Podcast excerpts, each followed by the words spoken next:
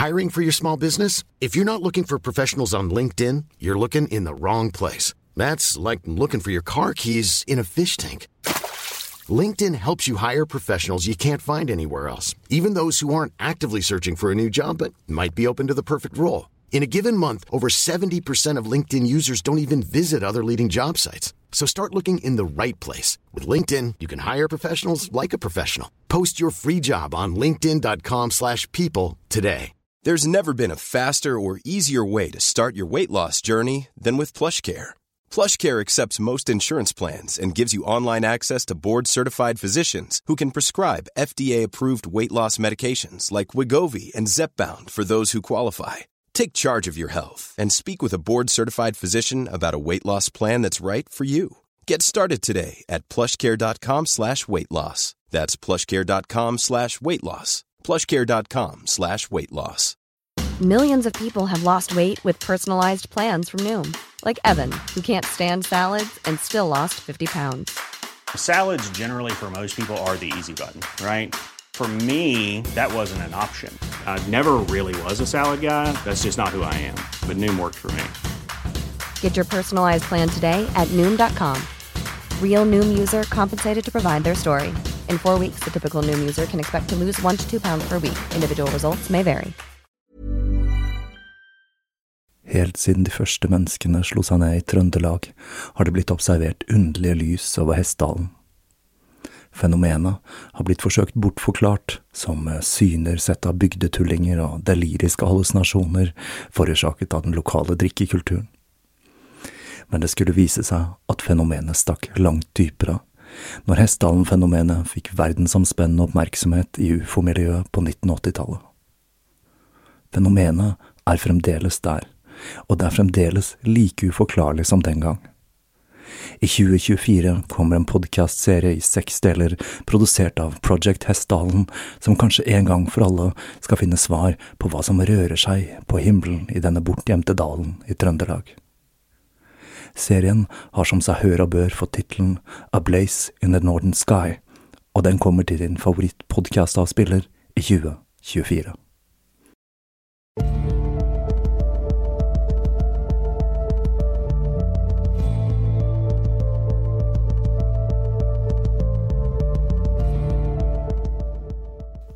Hei og velkommen til Tåkeprat.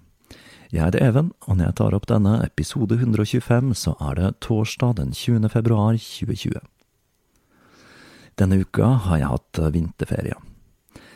Og disse feriene, det er en veldig bra ting med å jobbe i skoleverket. Men selv om det for utenforstående kanskje kan virke som om lærere og andre ansatte i skolen har uforholdsmessig mye ferie, så kan jeg ikke si annet enn at det trengs. Det å være lærer, eller lærerassistent som jeg er, er en stilling der man gir utrolig mye av seg selv, og man er en slags kombinasjon av pedagog, foreldre og psykolog.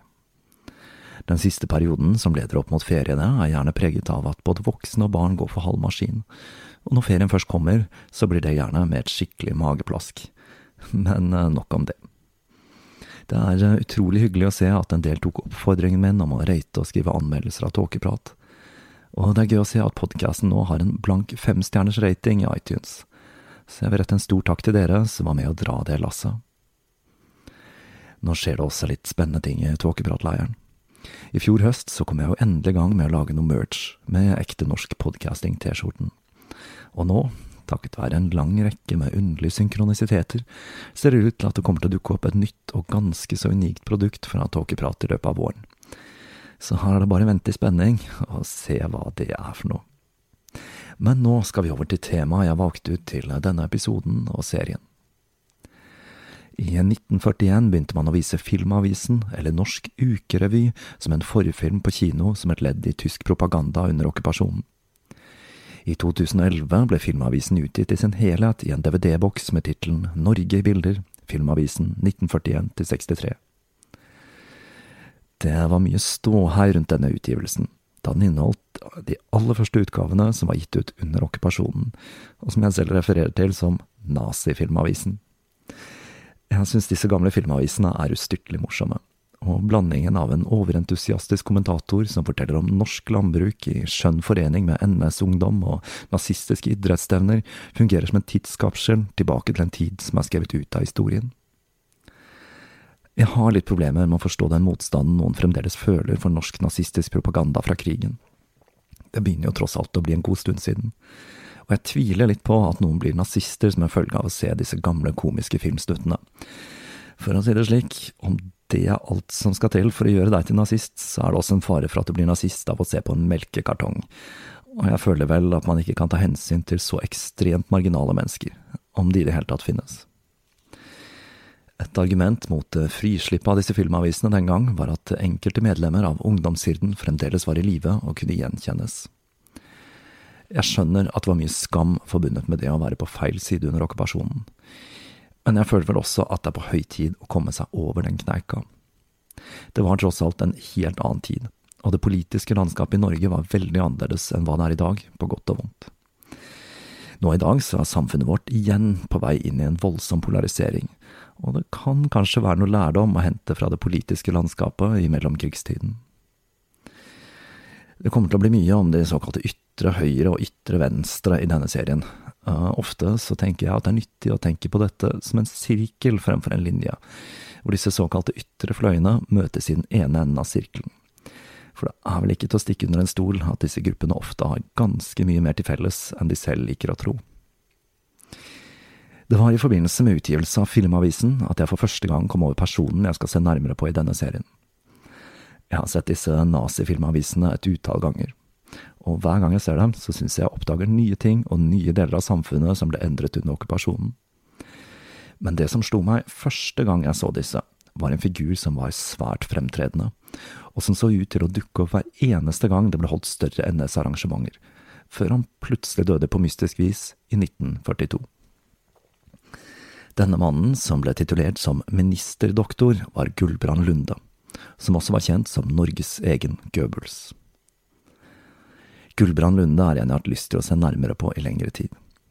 Jeg registrerte at det fantes en biografi om ham fra 2012, Triumf og tragedie, som ble gitt ut på Commentum forlag, et lite historieforlag fra Stavanger. Men da jeg først klarte å få ut fingeren for å bestille denne boka, så var forlaget gått konkurs, og boka var utsolgt. Heldigvis så klarte jeg å skaffe denne brukt, og denne boka, som er skrevet av Jan Magne Arntzen og Tor Geir Harestad, er delt opp i to deler, hvor den første tar for seg livshistorien til Gulbrand Lunde, og den andre er et essay om politikken til Nasjonal Samling. Boka avsluttes også av barnebarnet til Gudbrand Lunde, som forteller om livet etterpå og hvordan dette påvirket familien og selvbildet.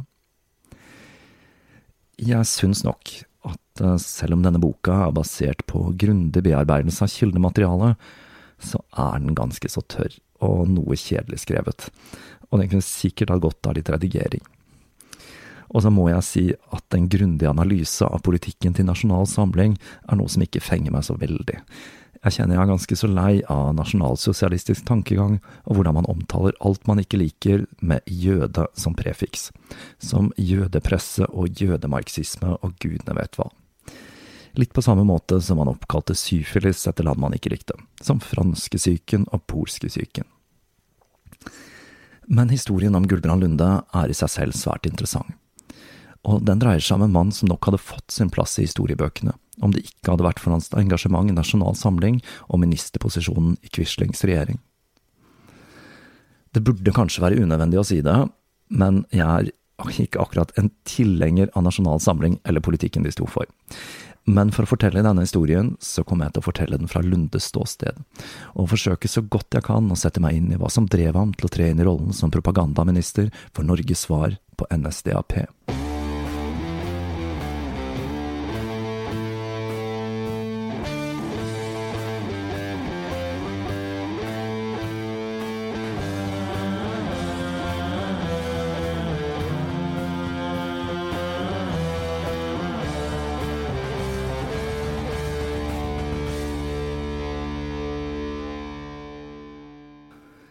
Gullbrand Oskar Johan Lunde ble født den 14. september 1901. Foreldrene var Sigurd Lunde, en anerkjent arkitekt, som hadde giftet seg med Gulbrands mor i Vik i 1901, og hun var en sangpedagog med utdannelse fra Tyskland. Gulbrand var det første av totalt fire barn, og like etter han ble født, så flyttet familien fra Vik til Kalfarlien i Bergen. Familien flyttet igjen i 1910, da Gulbrand var ni år, denne gangen til et arbeiderklassestrøk i Olav Ryes vei sentralt i byen. Det er mulig Gulbrand allerede som barn fikk noen politiske impulser fra sin far.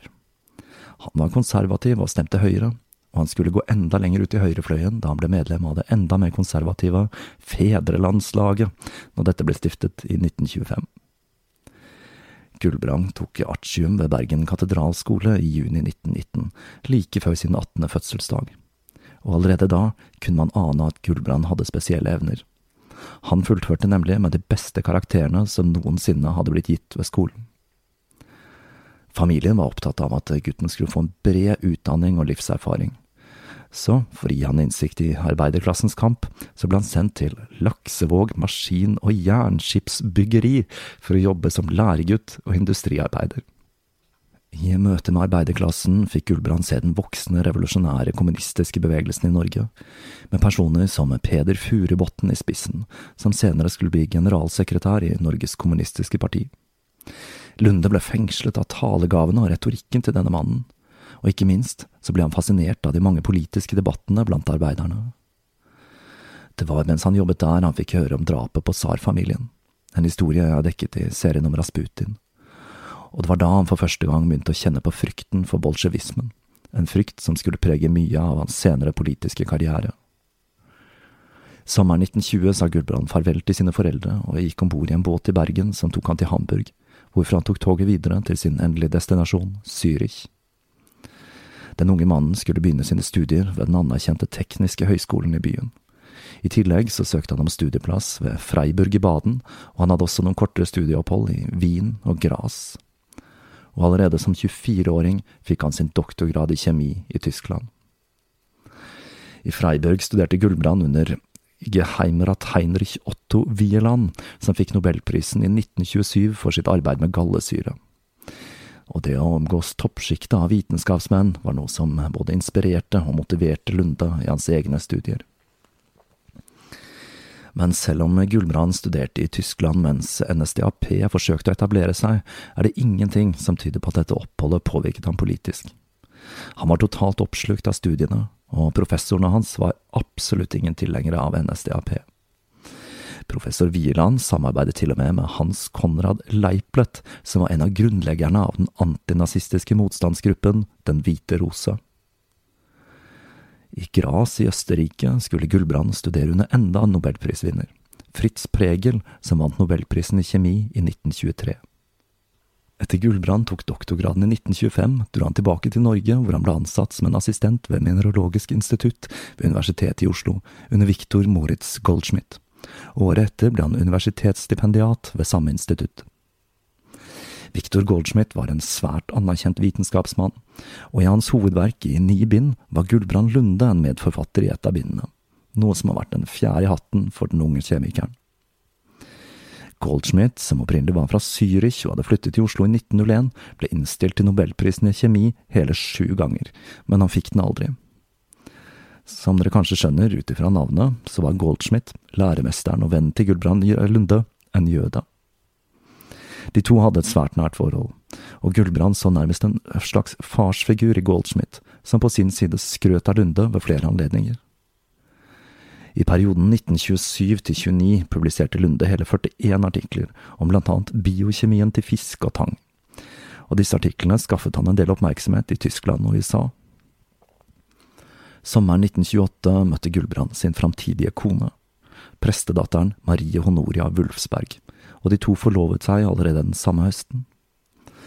Marie skulle ikke bare være hans kjæreste, men da hun også hadde en del ferdigheter innen maskinskriving og stenografi, så skulle hun også være hans sekretær i de 14 årene de nå hadde foran seg.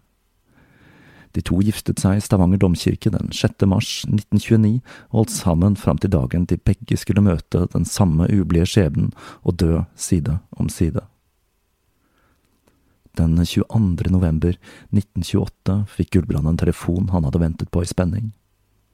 I en konkurranse med 23 andre søkere hadde Gullbrand fått en svært prestisjetung stilling. Han hadde blitt den nye bestyreren ved hermetikkindustriens laboratorium i Stavanger. Det høres kanskje litt uh, ufancy ut i våre dager, men dette var en svært prestisjetung og godt betalt stilling. Hermetikkindustrien var i drivende utvikling, og man var på jakt etter ny teknologi, og ikke minst forskning som dokumenterte industriens sentrale plass i matindustrien, og man jaktet derfor på de klokeste hodene i landet. Lunda hadde allerede erfaring med forskning på hermetikk, deriblant hermetisk røkt sild og han var blitt hanket inn til Stavanger fordi det fra forskerhold var kommet et forslag om å flytte laboratoriet til Trondheim, da Stavanger ikke hadde klart å skaffe til veie de forskningspersonlighetene industrien følte var nødvendig for en modernisering av hermetikkindustrien. Lunde hadde også vært på en rundreise i USA, der han holdt foredrag om blant annet jodets kretsløp og straumaforskning, som var et av favorittemaene hans, og som han hadde skrevet om i hele 28 av de 41 artiklene sine. På denne foredragsrunden hadde Lunde også benyttet seg av noe som var relativt uvanlig i foredrag på den tiden, nemlig lysbilder. Og denne tidlige adopsjonen av et slags multimedieshow var noe som viste at Lunde var dyktig når det gjaldt å ta i bruk film og bilder for å formidle budskap, og han skulle etter hvert også vise seg som ganske habil bak et filmkamera. Dette besøket i USA gjorde også at han fikk se den andre politiske siden. Tidligere hadde han fått erfare den voksende kommunistiske bevegelsen i Norge i sitt møte med arbeiderklassen. I USA fikk han se ekstrem økonomisk vekst i et kapitalistisk system. Men han bet seg merke i at dette var basert på en spekulasjonsøkonomi og forutsatte sterk vekst og ikke minst høye lån og kreditter. Lunde gjorde et sterkt inntrykk på amerikanerne, og han ble tilbudt et professorat i kjemi i Minneapolis. Men han takket altså nei til dette for å ta stillingen ved hermetikklaboratoriet i Stavanger. Ett år etter han kom hjem fra besøk i USA, så skjedde det som gjorde at flere afroamerikanere takket ja til å delta i Tuskegee-studien jeg snakket om i syfilis-episoden. Det store børskraket kom. Lunde så at den økonomiske markedsliberalismen i USA hadde spilt fallitt, og han var overbevist om at det måtte en sterk statlig styring til for å sikre en god og trygg nasjonal økonomi. Men samtidig så kjente han på frykten for bolsjevismen og den russiske revolusjonen. Det måtte finnes et annet, tredje alternativ å styre et land på, et som verken var basert på markeds- eller planøkonomi. Lunde ble offisielt ansatt ved laboratoriet den 31. desember 1928, og lønna han fikk, 14 000 kroner, tilsvarte fire ganger den industriarbeidet tjente. Etter seks år i stillingen skulle denne økes til 17 000 kroner, som var nesten det dobbelte av hva en professor kunne regne med å tjene. Hermetikkindustrien sto sterkt i Stavanger når Gulbrand tiltrådte sin stilling. Men det gikk dårligere med skips- og jern- og metallindustrien, og byen var preget av store spenninger i arbeiderklassen. Mange så til Sovjetunionen og det som skjedde der, og både arbeiderpartifolk og kommunister så på denne nye staten som et ideal og som verdens første arbeiderstat. Krakk i USA fungerte også som en bremsekloss på eksporten av hermetikk fra Norge og dette var nok også med på å fyre opp under Gulbrands tanker om norsk nasjonalisme og selvbergenhet. Og Lunde, han var ambisiøs. I 1930 dro han til Oslo for å forsøke å knytte laboratoriet formelt til universitetet der. Men styret i laboratoriet grep inn og stoppet dette samarbeidet. De ønsket at forskningen ved laboratoriet skulle være fundamentert i økonomi og ikke akademisk prestisje. Etter han hadde tiltrådt stillingen, bega Lunde seg ut på en rundreise i Mellom-Europa for å studere hermetikklaboratorier i blant annet Tyskland, og for å se på hvilke tekniske løsninger de benyttet seg av der. Det Europa han ble konfrontert med på denne reisen, var et helt annet enn det han hadde sett i sine studiedager. Og ut av kaoset som fulgte etter børskrakket, hadde flere nye politiske bevegelser, deriblant nasjonalsosialismen, vokst seg sterke og nettopp nasjonalsosialistene gjorde inntrykk på Gulbrand Lunde. De var kanskje kontroversielle, men de så ut til å ha handling bak retorikken sin, og det appellerte til Lunde. I Stavanger skulle Lunde også oppleve en sterk høyremobilisering ved valget i 1930. Og det var spesielt kristendommen og dens posisjon i samfunnet som gjorde at flere søkte seg til høyre, på grunn av at Ap og NKP tok avstand fra religion. Her må jeg kanskje også skyte inn at Arbeiderpartiet anno 1930 var noe ganske annerledes i dag, og de lå ganske så langt ut på venstresiden, tett opp mot NKP. Og lokallaget de hadde i Stavanger, det var landets rødeste. Samtidig som man hadde disse gnisningene mellom høyre- og venstresiden, så satt Stavanger rekord i arbeidsledighet. Byen var ei kruttønne, og det virket som om kun en liten gnist kunne få det hele til å gå i luften.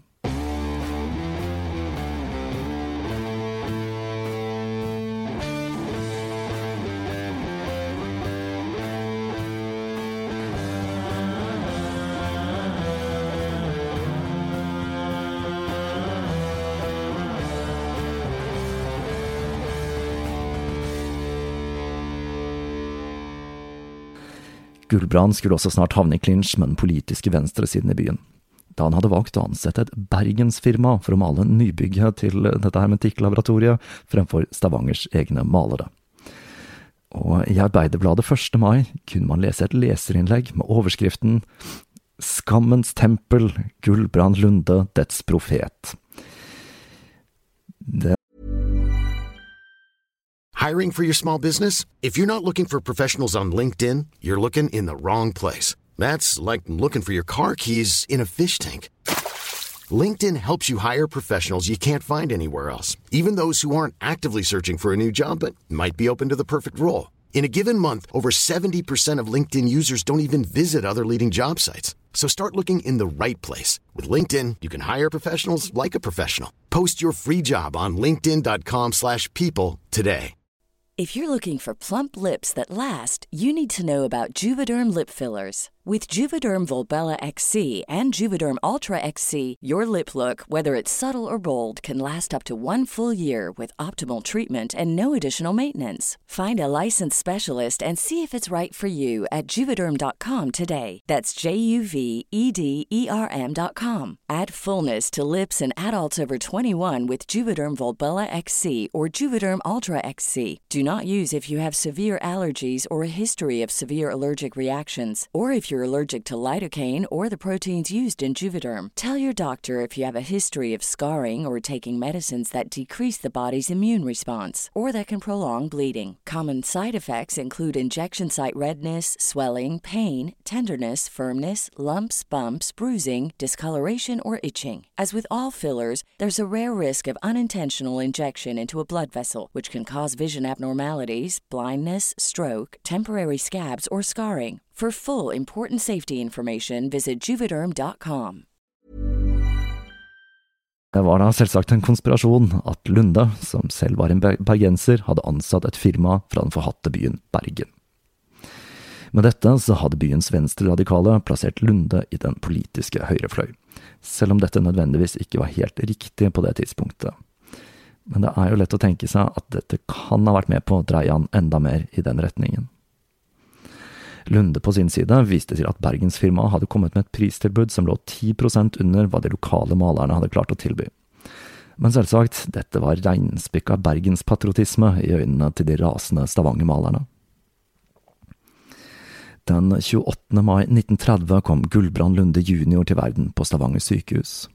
Og parets andre barn, en datter, Inga Marie, skulle bli født på samme sted den 6. april 1933.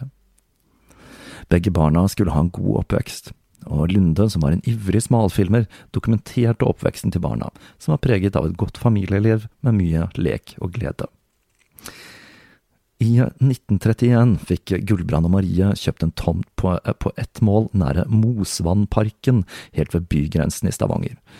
Og huset de fikk bygget der, som fikk adressen Welhavens gate 3, sto ferdig den 15. desember 1932. Huset var på hele 280 kvadrat og hadde egen garasje, og det fikk navnet Villa Honoria. Noen måneder etter de flyttet inn i det nye huset, begynte Lunde sin politiske karriere, og dette skulle etter hvert også sette sitt preg på barna. I 1935 filmet Marie Far, som viste sønnen hvordan man skulle gjøre en såkalt nasjonal hilsen. Det er en gammel måte å hilse på, forklarte far, mens han entusiastisk viste sønnen hvordan man skulle strekke armen og håndflaten opp og frem. Med dannelsen av Nasjonal Samling den 17. mai 1933 så Gulbrand sitt snitt til å være med og bane vei for hva han så på som et alternativ til en kommunistisk eller kapitalistisk styring av samfunnet.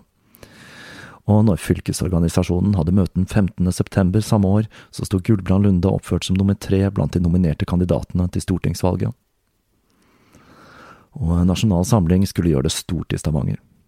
Partiet hadde 1000 betalende medlemmer i byen, noe som utgjorde mellom 10–12% av medlemstallet på landsbasis. og ved kommunevalget i 1934 fikk partiet hele 12,1 prosent av stemmene. Etter kun noen få måneder som medlem utmerket Gulbrand Lunde seg. Det at han hadde en doktorgrad i kjemi og var direktør for Hermatikk-laboratoriet, gjorde at partiet hadde en solid borgerlig forankring. Når valgresultatene kom inn tirsdag den 16. oktober 1934, heiste Lunde stolt NS-flagget til topps i Villa Honoria. Vanligvis var det kun på søndager han gjorde dette, men valgresultatet var en sensasjon, og NS-avisa Vestlandets Avis var fra seg av glede over valgseieren. Det samme gjaldt ikke Høyres talerør Stavangeren, som stusset over hvordan dette nye partiet hadde klart å kapre en så stor andel av velgere som tradisjonelt hadde stemt på dem. Denne dagen var Lunde en kjendis i nabolaget. Det var flere årsaker til den voldsomme suksessen til NS. En av årsakene var at de andre borgerlige partiene ikke hadde klart å få bukt med sosiale problemer og arbeidsledighet.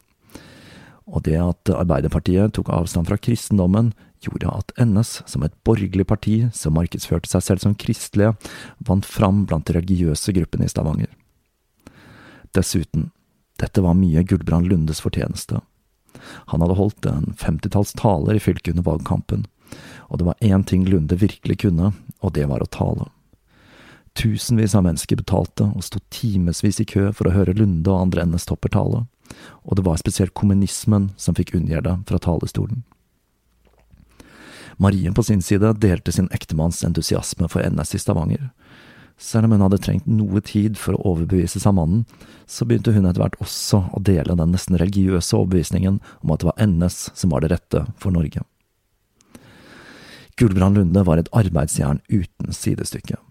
Så mye at han ble kritisert av partiets økonomileder i 1935, da han mente at Lunde umulig kunne klare å fylle alle vervene han hadde påtatt seg, og det var ikke så rent lite. I 1935 var Lunde rikspropagandasjef, kretsfører og bystyremedlem, i tillegg til redaktør for Vestlandets Avis og direktør for Hermetikklaboratoriet. For ikke å glemme at han hadde en familie, da.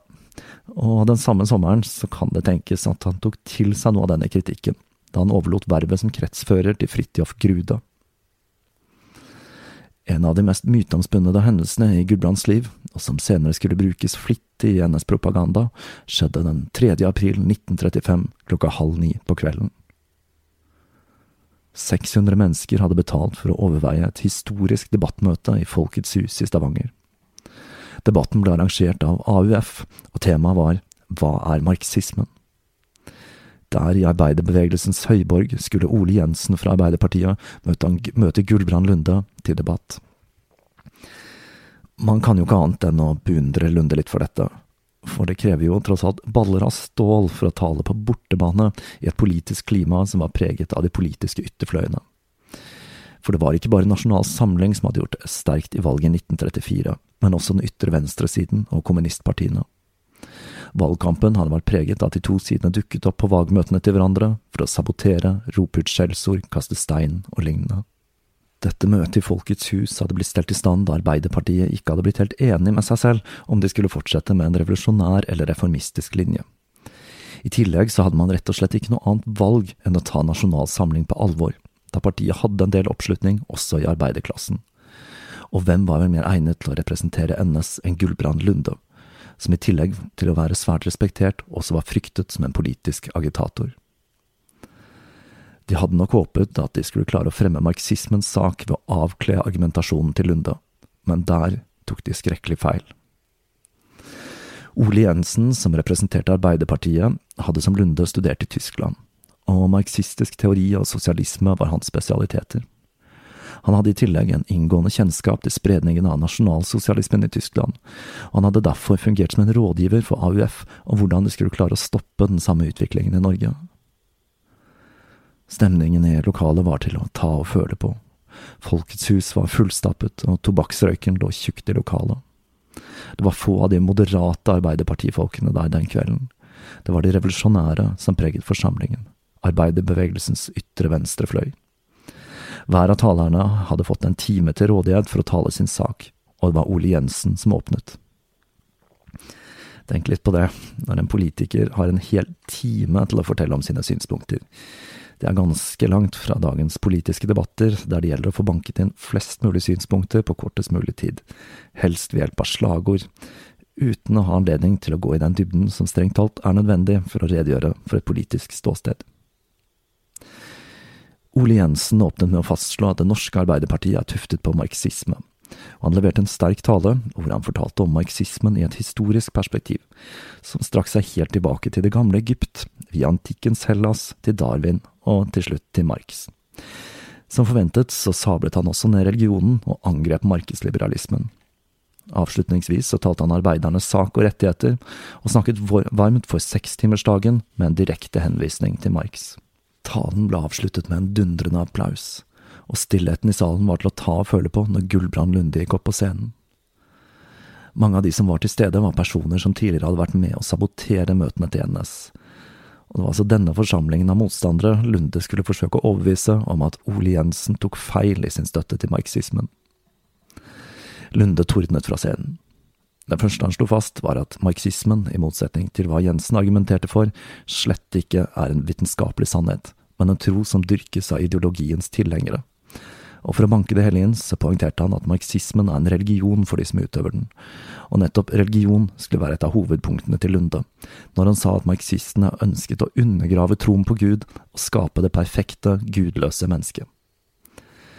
Det timelange foredraget ble avsluttet med På alle punkter svikter marxismen både i teori og praksis, og årsaken ligger der i at marxismen er en falsk lære den søker å løse det menneskelige problem ved å trekke mennesket ned på et materialistisk økonomisk produksjonsplan.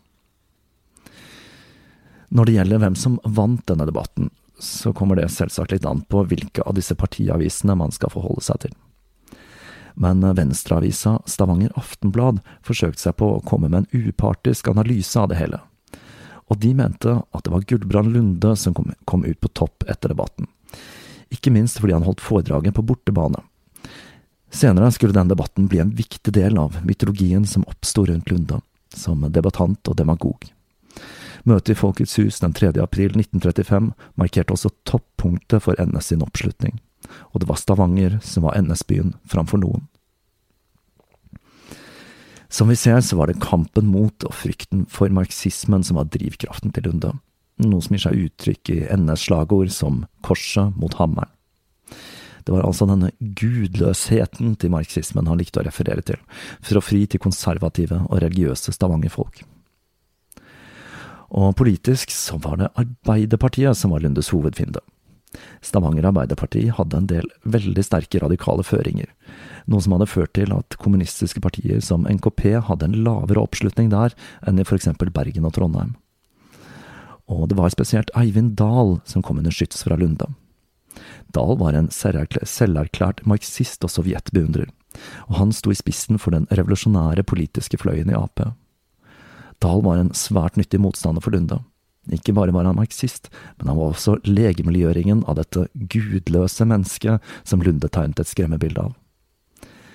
For i 1932 hadde nemlig Dahl fått noen medlemmer av Arbeidernes Barnelag til å nekte kirkelig konfirmasjon, for heller å bytte ut kristendommen med en innføring i marxisme og sosialisme, og selve konfirmasjonen ble byttet ut med en sosialistisk ungdomsinnvielse. Og populariteten til NS i Stavanger, den sammenfalt med den revolusjonære bevegelsen i Arbeiderpartiet. Og den politiske karrieren til Dahl og Lunde hadde flere paralleller, og de skulle begge oppleve en politisk nedtur i 1937. Det hører også med til historien at fløyen til Dahl gikk over til NKP ved valget i 1945. Den 26. til 29. juli 1935 avholdt NS riksmøte i Stavanger med 1500 deltakere. Quisling tok turen fra Oslo i personbil, og han bestemte seg for at dette ville være en gyllen anledning til å holde taler langs veien til Stavanger. Men det skulle det bli bråk av. Når Quisling talte i Åmli, hadde ungdom fra arbeideridretten mobilisert seg, og det ble voldsomme demonstrasjoner. Quisling på sin side kom med trusler mot Arbeiderpartiet om hva som kom til å skje den dagen NS kom til makten. Riksmøtet ble åpnet med en gudstjeneste for å markere NS som et kristent parti. Men når de skulle feire Olsok, så blåste det opp til storm, men dette ble tatt som et godt tegn Det forrykende vestlandsværet var bare med på å understreke partiets ultranasjonalistiske ståsted. Denne olsoktelige er for øvrig markeringen av Olav den helliges dødsdag. Og det var jo en svært passende markering for et parti som både ville markere seg som kristne, og som et nasjonalistisk parti med sterke røtter i norsk tradisjon og historie. Lunde hadde håpet at Stavanger skulle bli Nasjonal Samling sin base i Norge. Byen hadde allerede fått tilnavnet Lille München, og med riksmøte og Quisling til stede, så tok han til orde for å etablere hovedkvarteret der. Stavanger NS hadde gjort et formidabelt arbeid for partiet, og ikke minst så hadde de Vestlandets Avis, som var et talerør for partiet. Men til Lundes store skuffelse så skulle han ikke få til sitt prosjekt Partisentral Stavanger. Quisling hadde nok litt vondt for å si nei til Lunde. Han var tross alt et av de sterkeste kortene til Nasjonal Samling. Men Lunde fikk ikke nok støtte fra resten av partiet, og det verste var at partiet i Oslo hadde mistet troen på Vestlandets Avis som partiavis. Det måtte ha vært ekstra bittert at Lundes allierte, Johan B. Hjort, var en av de som mente at avisen var for tam og for borgerlig, selv om Hjort la til at artiklene til Lunde selv, de var bra. Men til tross for indre splittelse, så hadde riksmøtet vært en dundrende suksess, og selv arbeiderpressen skrev om arrangementet i rosende ordelag. Det var altså Stavanger som var høyborgen til Nasjonal Samling. Men det ville Lunde forsøke å gjøre noe med, ved å mobilisere og misjonere i andre norske byer. Først ut var Bergen, hvor Lunde tok turen med dampskipet Gann fra Stavanger. Lunde filmet overfarten, hvor man kan se unge NS-medlemmer som synger kampsanger akkompagnert av et eget musikkorps. Vel fremme i Bergen fikk de beskjed om at de måtte dekke til NS-symboler og uniformer. Det var nemlig akkurat innført en ny lov mot bruk av uniformer i demonstrasjoner og taler, og motvilje dekket de feststemte NS-medlemmene til all militærlignende symbolikk men til tross for nedtoningen av symbolikken, så kokte Festplassen denne fine sommerkvelden, når flere tusen skuelystne bergensere dukket opp for å høre på Lunde tale. Men slik det ofte gikk på disse samlingene, så endte det hele opp med sammenstøt mellom lokale kommunister og Nasjonal Samling. Lunde skulle også forsøke å erobre Kristiansand høsten 1935, for å sikre seg stortingsmandat i 36. Men Nasjonal Samling var ikke spesielt populære der og ved valget fikk NS kun 109 stemmer i byen, og det ble ikke noe stortingsmandat.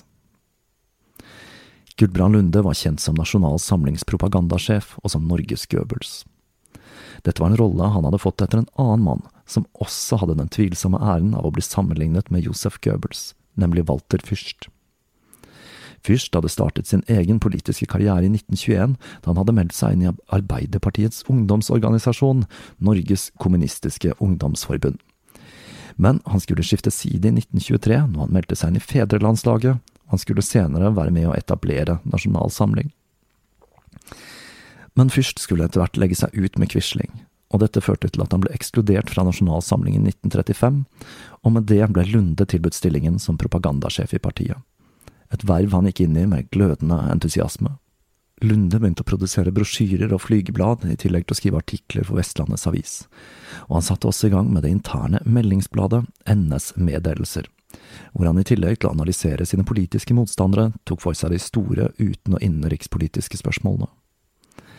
NS Meddelelser gir oss innblikk i Lundes tankegang i hans første periode som propagandaminister i NS. Her kan vi blant annet lese at han så på valgdeltagelse som et nødvendig onde da målet til partiet var å avskaffe parlamentarismen og demokratiske valg. Og det målet var like om hjørnet, men kanskje på en litt annen måte enn hva Lunde hadde sett for seg.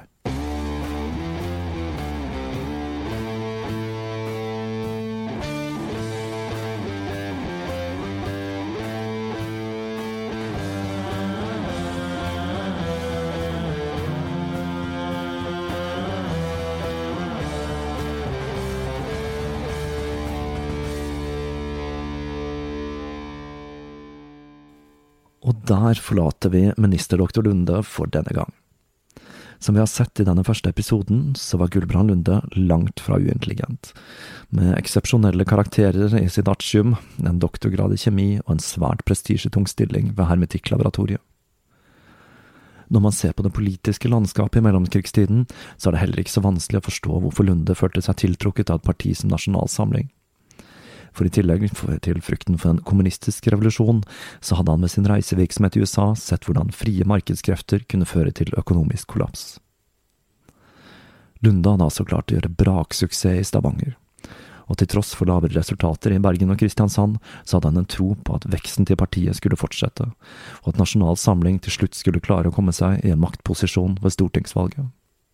Men det var skyer i horisonten. Krigen var på vei, og med den en oppblomstring av antisemittisk retorikk og raseteori som etter hvert skulle føre til en splittelse innad i Nasjonal Samling. Så da får jeg kaste meg rundt og gyve løs på den neste delen i serien om denne ministerdoktoren. Helt til slutt så tenkte jeg å komme med en aldri så liten anbefaling. Det er riktignok sikkert mange av dere som allerede ser på denne serien. Jeg tenker på Sånn er Norge med Harald Eia på NRK. Men dette er uansett et lite tips fra meg. Eia betrakter og analyserer det norske samfunnet og fenomener som velferdsstaten på en særdeles fornøyelig måte, selv om jeg skulle ønske at episodene var en smule lenger enn et kvarter. Så som vanlig så vil jeg oppfordre til å følge podkasten i sosiale medier, jeg vil igjen rette en takk til dere som har gitt den en rating og hjulpet til med å løfte den frem. Jeg vil også rette en stor takk til dere patrions, og til dere som har valgt å donere via nettsiden. Linker og slikt finner dere som vanlig på tåkeprat.com. På gjenhør.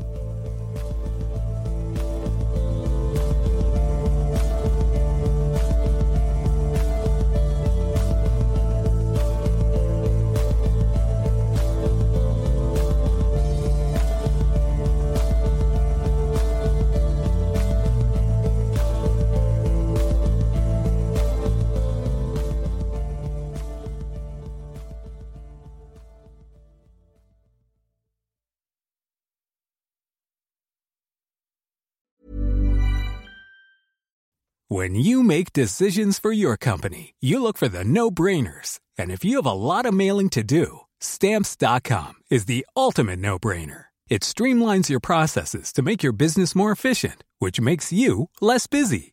Mail checks, invoices, legal documents, and everything you need to keep your business running with stamps.com.